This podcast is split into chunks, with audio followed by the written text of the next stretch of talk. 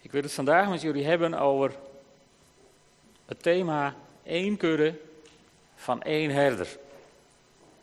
Dat kan een hele diverse kudde zijn. Daarvoor hoef je alleen maar even te kijken naar de bonte verzameling die we hier hebben uh, gekregen. Heel divers. Eén herder en één kudde. En ik wil met jullie lezen daarover uit Johannes 10, vers 14 tot 16. Daar zegt Jezus: Ik ben de goede herder. Ik ken mijn schapen. En mijn schapen kennen mij. Zoals de Vader mij kent en ik de Vader ken. Ik geef mijn leven voor de schapen.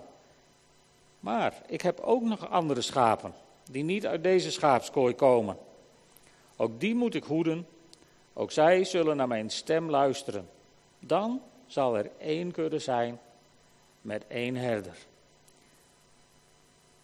Een paar dingen uit dit Bijbelgedeelte. Het eerste is, ik ken mijn schapen. Als Jezus dat zegt, dan zegt hij dat niet zomaar. In Jesaja 45, vers 4, daar staat omwille van mijn dienaar Jacob van Israël heb ik je uitgekozen. Ik heb je bij je naam geroepen en je met een erenaam getooid, afschoon je me niet kende. Dat is een bijzonder vers, want dit zegt God niet tegen Israël in deze context. Dat zegt God hier tegen een heiden, tegen koning Cyrus, vlak voordat het volk Israël terug mag uit de ballingschap. Tegen hem zegt hij deze woorden, omdat God hem nodig heeft om Israël te zegenen. Maar het bijzondere is, God heeft ons ook nodig om Israël te zegenen.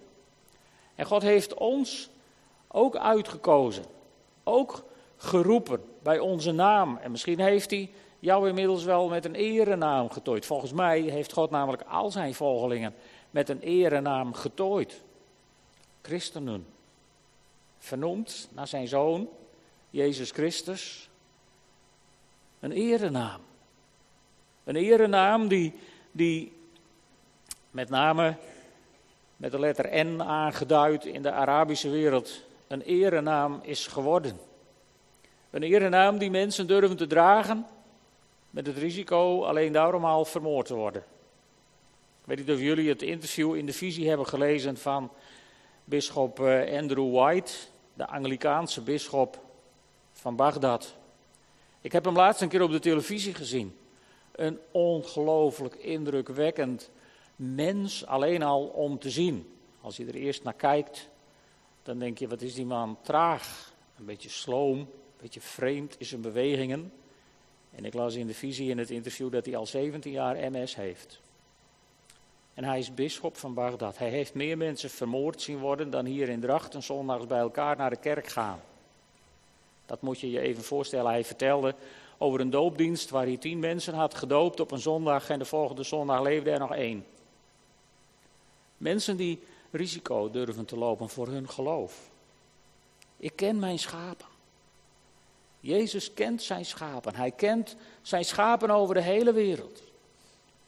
En hij kent ook jou. Is dat niet een, is dat niet een, een, een geweldig, bemoedigend iets? Het idee van de zoon van God, die naast de Vader zit, die kent jou. Hoogst persoonlijk, voor de grondlegging van de wereld, staat in Efeze, heeft hij jou uitgekozen, geroepen om in zijn dienst te zijn. Door hem gered en geheiligd te worden. Voor de grondlegging der wereld, zo lang al.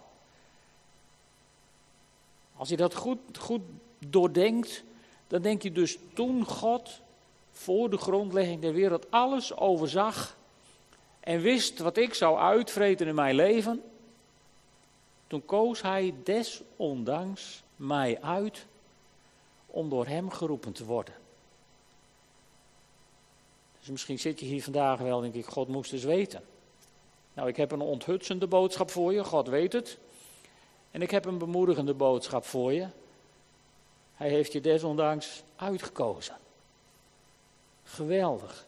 Hij kent zijn schapen door en door. En hij heeft ze geroepen. Ongeacht of ze nou wit zijn, of een beetje bruin, of een beetje zelfs roze, of zelfs zwart. Weet je, God ligt niet wakker van het zwarte schaap. Ook dat schaap heeft hij geroepen. Ook dat schaap is uitverkoren om een schaap van de herder te zijn, van God te zijn.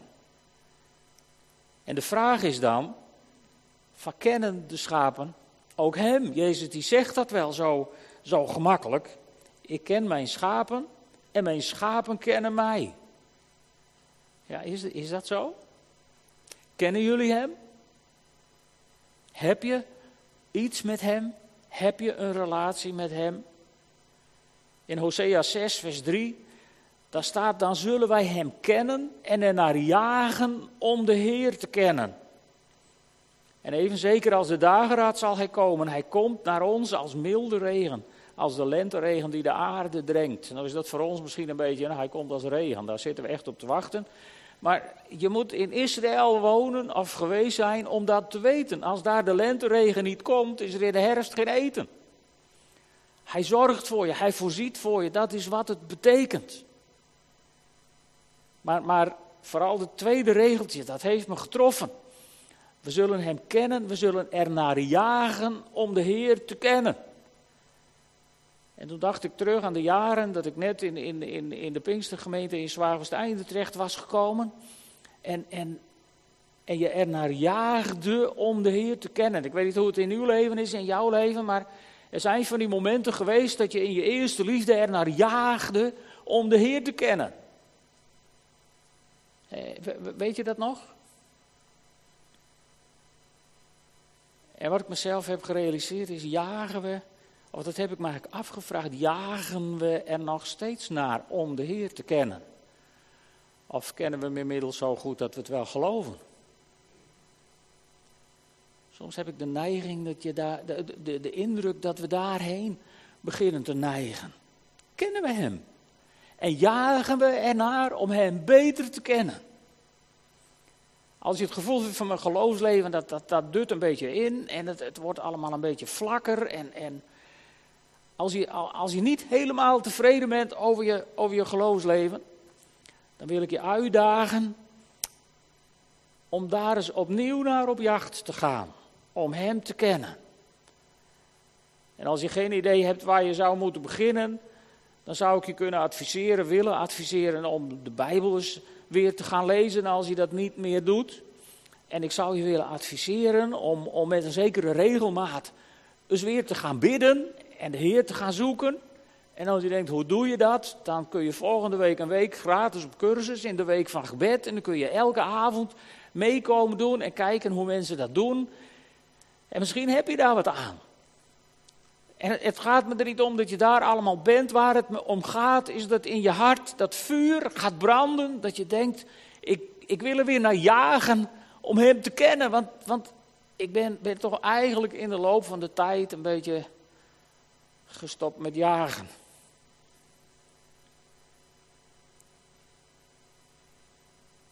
Ja, je kunt natuurlijk ook denken, nou ik ga niet jagen, ik ga gewoon wachten tot het weer over me komt.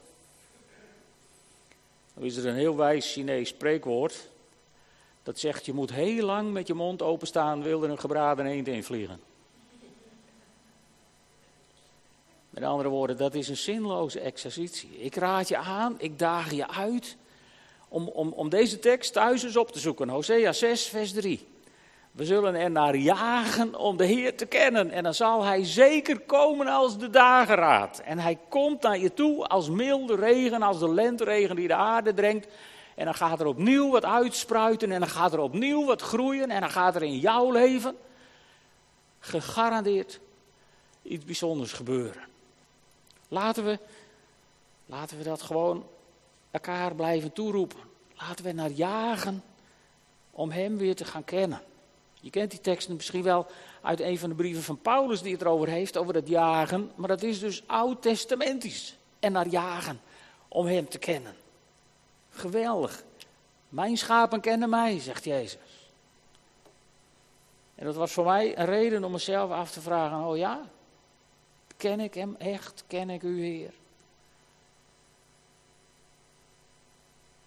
En dat is ontzettend bemoedigend. Alleen al om je dat af te vragen, want dan is de jacht al begonnen. En mijn ervaring is, dan is de lenteregen ook ogenblikkelijk losgebroken. Want God laat je niet wachten. God laat je niet oeverloos weer terugkomen om te vragen. Mijn ervaring is, als hij één stap in zijn richting doet, doet hij er wel honderd in jouws. Dus ga je gang. En dan zegt Jezus, dan zegt Jezus, ik geef mijn leven voor de schapen. En dat klinkt ons natuurlijk allemaal heel bekend in de oren. Want dat heeft hij gedaan. Op Golgotha heeft hij vanuit dat grote, warme hart van God, wat zo bewogen was voor ons, voor al die schapen die hij voor de grondlegging van de wereld al had uitgekozen en die alsmaar verdwaalden en hun eigen wegen gingen, heeft hij zijn zonen deze wereld gestuurd. Die zei, ik ben de goede herder en ik geef mijn leven voor de schapen. En zo heeft hij zich laten kruisigen en heeft hij, heeft hij de Satan, heeft hij de wolven en de beren en de leeuwen overwonnen. Opdat wij als zijn schapen veilig kunnen wonen. De interpretatie van dat veilig, daar kun je dan nog eens over nadenken. Maar ik las in het verhaal van Andrew White over een gezin waar IS-strijders waren binnengevallen. En die hadden tegen de kinderen een opdracht gegeven om zich te bekeren tot de islam. Kinderen uit een christelijk gezin. Toen waren die kindjes gaan staan, die hadden elkaar de hand gegeven. En toen had de oudste gezegd, we hebben altijd de Heer gediend en dat zullen we altijd blijven doen. En toen werden ze voor de ogen van hun vader doodgeschoten. Kinderen, hè? Kinderen. Dat zijn niet altijd daden van grote volwassen mensen.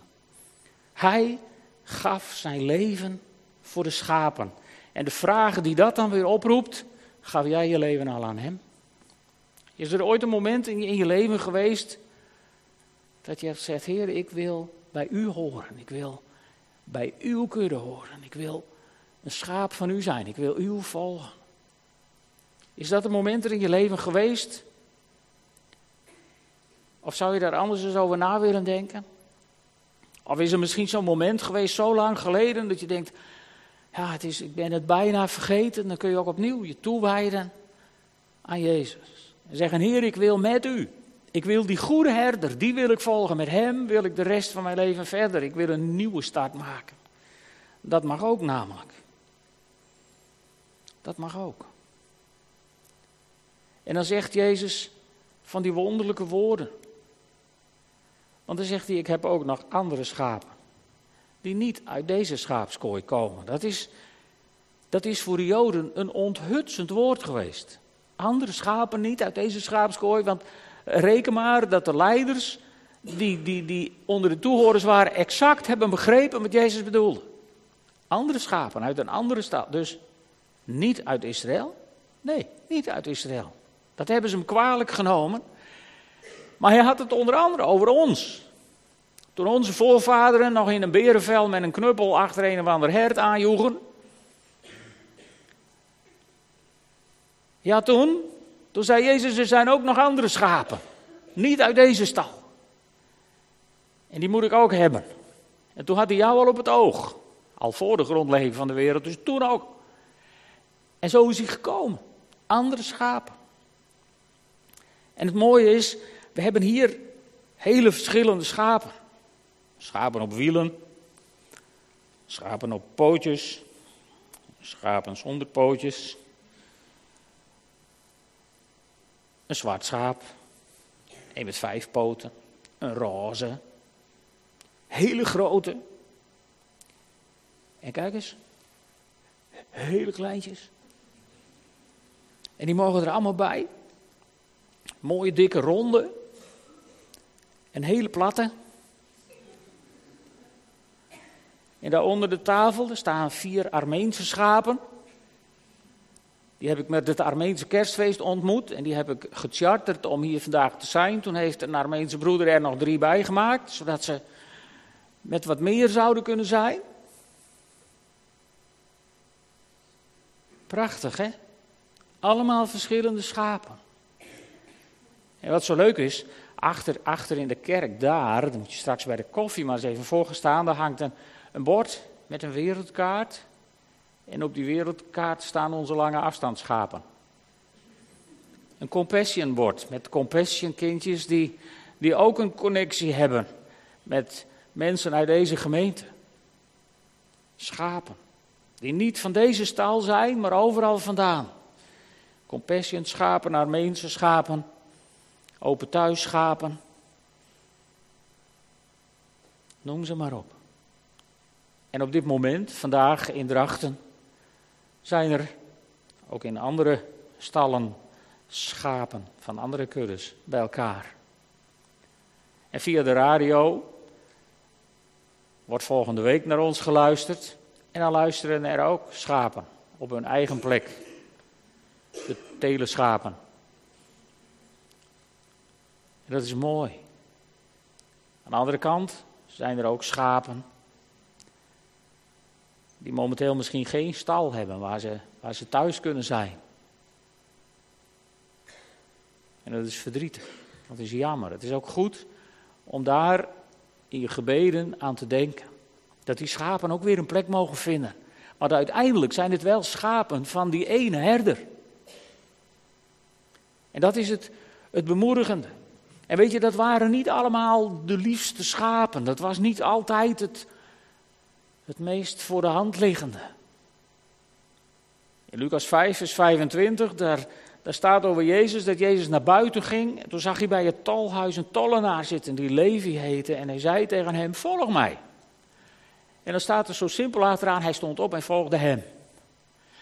Maar heb je er wel eens over nagedacht wat dat moet betekend hebben voor die andere discipelen? Oh, die, die, die Petrus en Johannes en Jacobus en, en noem ze maar op. En, en die hadden allemaal hun, hun, hun hebben en houden achtergelaten. En die waren in, in volstrekt geloof als oprechte Joodse jongetjes, waren ze Jezus gaan volgen. En dan, dan ben je met elkaar net een gemeente begonnen. En dan, en dan roept Jezus een, een, een tollenaar. Zwarter dan welk zwart schaap ook. Het meest zwarte schaap wat je in Israël zou kunnen bedenken. En die neemt Jezus ook zomaar mee. In je gevolg, daar zat je niet op te wachten. Nee? Nee, waarschijnlijk niet. Maar Jezus wel, want juist voor die schapen was hij naar deze wereld gekomen. Om ze te redden. En zo volgt er een zwart schaap. En, en weet je dat er is één criterium. Eigenlijk maar één criterium. Wij, wij hebben het ingewikkeld gemaakt om schaap te worden van de kudde. Wij hebben het moeilijk gemaakt vaak. We hebben hoge drempels gebouwd, want je moet zus en je moet zo en je moet aan heel veel voorwaarden voldoen. Wil je, wil je erbij mogen horen? En eigenlijk is er maar één criterium. Je moet luisteren. Je moet luisteren. In de Israëlische geloofsbeleidenis, die staat in Deuteronomium 6, vers 4. Luister Israël, de Heere is onze God, de Heere is één. That's it. Moeilijker is hij niet. En hij begint met luister. Het woord Shema. Zo heet hij ook bij de Israëliërs, bij de Joden, het Shema. En dat begint met luister. En Jezus die zegt dat ook zo mooi in dat verhaal in Johannes 10. Mijn schapen kennen mijn stem. Ze volgen mij. Waarom volgen ze? Omdat ze luisteren. Als die schapen met de vingers in de oren s'nachts gaan zitten. En de herder komt en zegt: Kom maar jongens, dan ga je niet mee, maar dan luister je niet. Het gaat om luisteren. En in Lucas 15, een van, voor mij een van de tophoofdstukken over, over, het, over verloren schapen die dan toch weer terechtkomen. Daar begint het zo. Alle belastingontvangers en andere slechte mensen kwamen graag naar Jezus toe om naar hem te luisteren. Hou je dat voor mogelijk? Zij kwamen dus graag naar Jezus toe om naar hem te luisteren. En er waren heel veel witte schapen, hele spierwitte heilige schapen. En die kwamen niet om naar Jezus te luisteren. Integendeel, die waren boos om wat ze hoorden. Want hoe luisteren we? Is er in ons luisteren plek voor diegenen voor wie Jezus kwam. Hij, zei ook van, gezonde mensen hebben geen dokter nodig. Ik ben gekomen voor de zieke mensen. En de zieke mensen in die tijd, die lagen niet netjes schoon steriel in het ziekenhuis. Die waren over het algemeen vies en, en stinkend en besmettelijk. En was helemaal niet gezond om daarvoor te komen. Ik denk dat de zieke mensen van toen veel meer hadden van, van, van de ebola-patiënten van tegenwoordig. Het was niet zonder enig risico om voor zieke mensen naar deze wereld te komen. Want voordat je het wist, werd je ook ziek. En toen kwam Jezus. En Jezus draaide dat hele principe van besmetting draaide die om. Is je wel eens opgevallen? Jezus raakt een melaatse aan en vervolgens wordt niet Jezus onrein, zoals het in de wet van Mozes staat, maar de melaatse wordt rein. De omgekeerde wereld. En als er een zondaar bij Jezus komt, dan wordt Jezus niet mede zondaar, maar de zondaar wordt mede heilige. Heel bijzonder. Heel bijzonder. En toen begon het gedoe in de kerk. Toen Jezus weg was en de discipelen de eerste bekeerlingen begonnen te maken en er gemeentes begonnen, toen, toen begon het gedoe. Want toen vonden de witte schapen eigenlijk dat het zwarte schaap er niet bij zou mogen. En de schapen met vier poten, die vonden eigenlijk dat het schaap met de vijf, die, die is niet normaal. Die, die. En, en, en ik weet ook niet wanneer ze begonnen zijn om te vinden dat het roze schaap er eigenlijk niet bij zou mogen.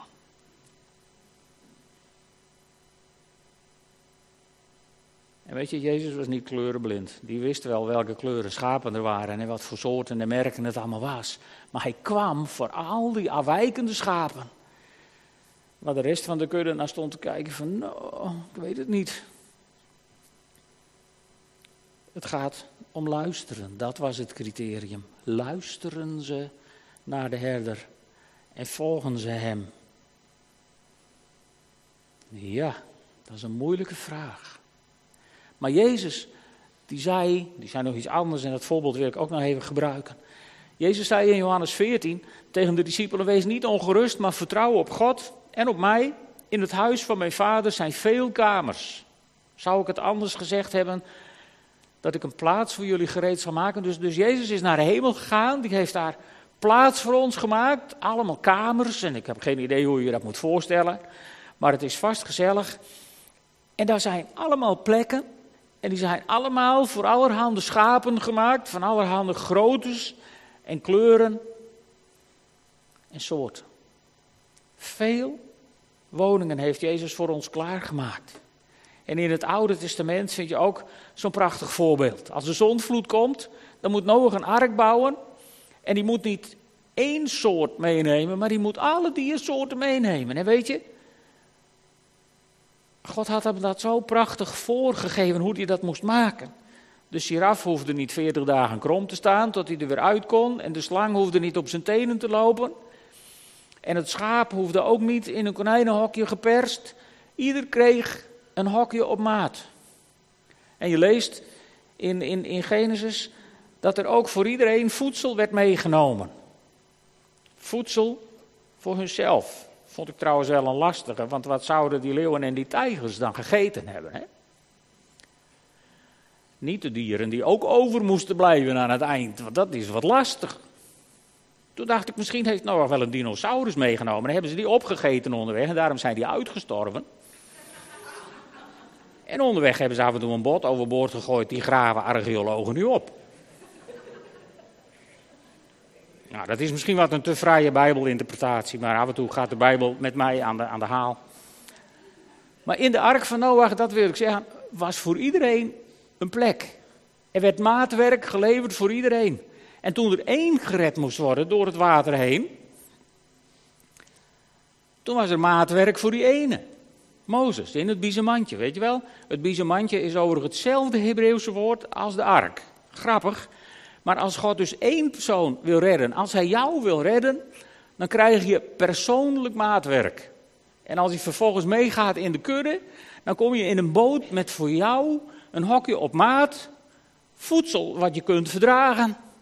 En zo mag je mee En dan kom je bij God in dat huis met die vele woningen. En dan zul je zien dat er één huis is met jouw naam erop. Want hij zegt, ja, voor de grondlegging der wereld heb ik jou bij je naam geroepen. En die naam staat al op het bordje van jouw huis. Er is plek voor jou. En daar mag je wonen straks.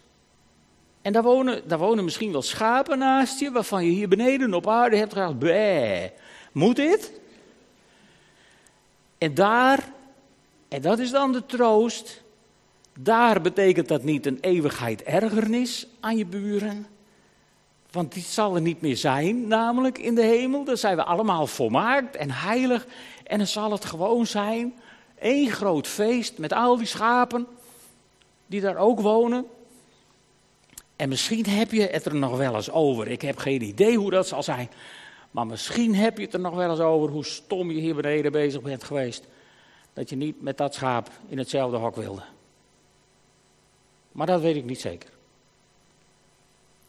Waar ik wel heilig in geloof, is dat het een geweldige tijd zal zijn en een geweldige plek waar wij elkaar zullen gaan verdragen. En de Bijbel roept ons op om hier te beginnen met oefenen in het verdragen. Bedenk ik niet zelf, dat staat onder andere, Paulus schrijft dat aan de Colossensen. Verdragen elkaar en vergeef elkaar als iemand anders iets te verwijten heeft, zoals de Heer u vergeven heeft, moet u elkaar vergeven. En in Efeze 4, vers 2, wees steeds bescheiden, zachtmoedig en geduldig en verdraag elkaar uit liefde. Nou, kom maar, dan ga jij er weer tussen en jullie gaan elkaar uit liefde verdragen, anders zwaait er wat. Zo. Verdraag elkaar uit liefde. Geweldig. En als je elkaar dan uit liefde verdraagt, weet je, dan wordt dit heel bijzonder. Dit hebben we gezongen, zo pas. Psalm 100, vers 3. Erken het. De Heer is God. Hij heeft ons gemaakt. Misschien denk je, nou, nou, dan heb ik daar nog wel wat opmerkingen over. Maar nu even niet. Hij heeft jou gemaakt en hij zag dat het zeer goed was. En hij is blij met jou. Ongeacht hoe je in vel zit, of hoe je erbij loopt, of hoe je zelf denkt dat je eruit ziet. Want ik heb af en toe de indruk dat de grootste criticus van onszelf zijn we zelf. Als we voor de spiegel staan, kunnen we heel zagrijnig zijn over wat er allemaal aan markeert. En als je dan door de stad loopt, denk ik dat heel veel mensen zeggen: Goh, wat een leuk mens. Misschien moeten we dat gewoon eens wat meer tegen elkaar zeggen, hè?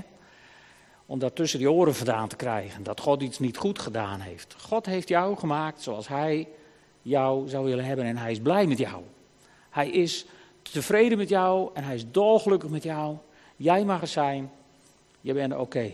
Jij mag hier rustig tussen staan, zoals je bent.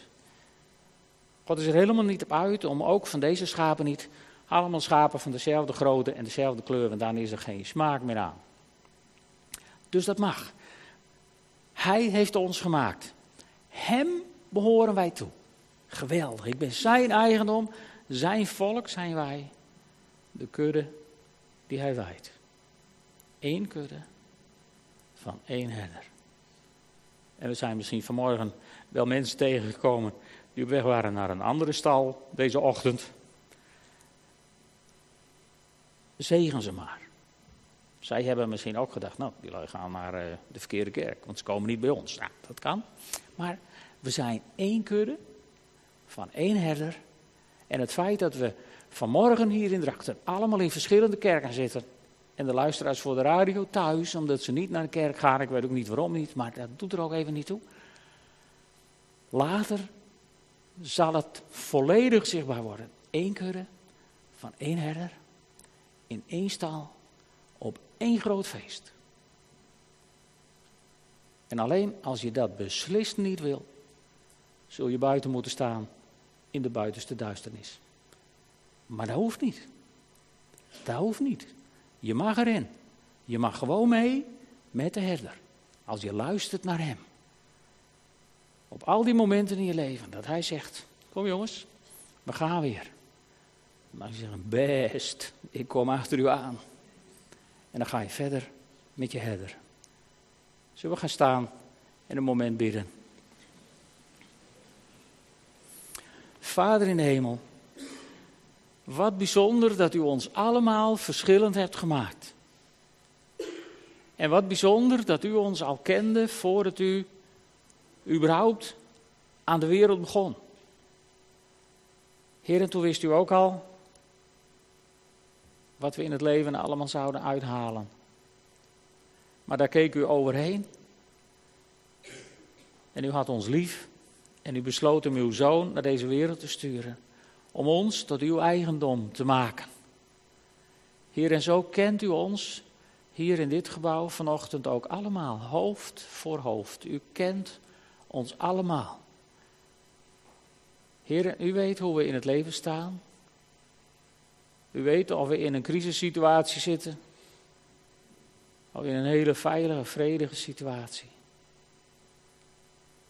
Heer, u was er van de week ook toen schapen werden vermoord omdat ze bij een verkeerde stal zouden horen. Heer, u bent over de hele wereld, waar mensen elkaar de meest verschrikkelijke dingen aandoen omdat ze verschillend te geloven. Maar toch, heren, bent u bij ons. U hebt ons in uw hand. En u brengt ons ergens in deze tijd veilig bij u in de grote stal aan het einde. Heer, en ik bid u, leer ons om elkaar te verdragen. Leer ons om blij te zijn met elkaar. Leer ons om, om uit volle borst te zingen en te roepen en te beleiden. Dat wij uw volk zijn, de kudde die u wijdt. En Heere God, laat uw Heilige Geest in onze harten werken. En laat het zo beginnen te roeren, Heer. In ieder van ons, ook in mij. Dat we weer zullen, ernaar zullen gaan jagen om u te kennen.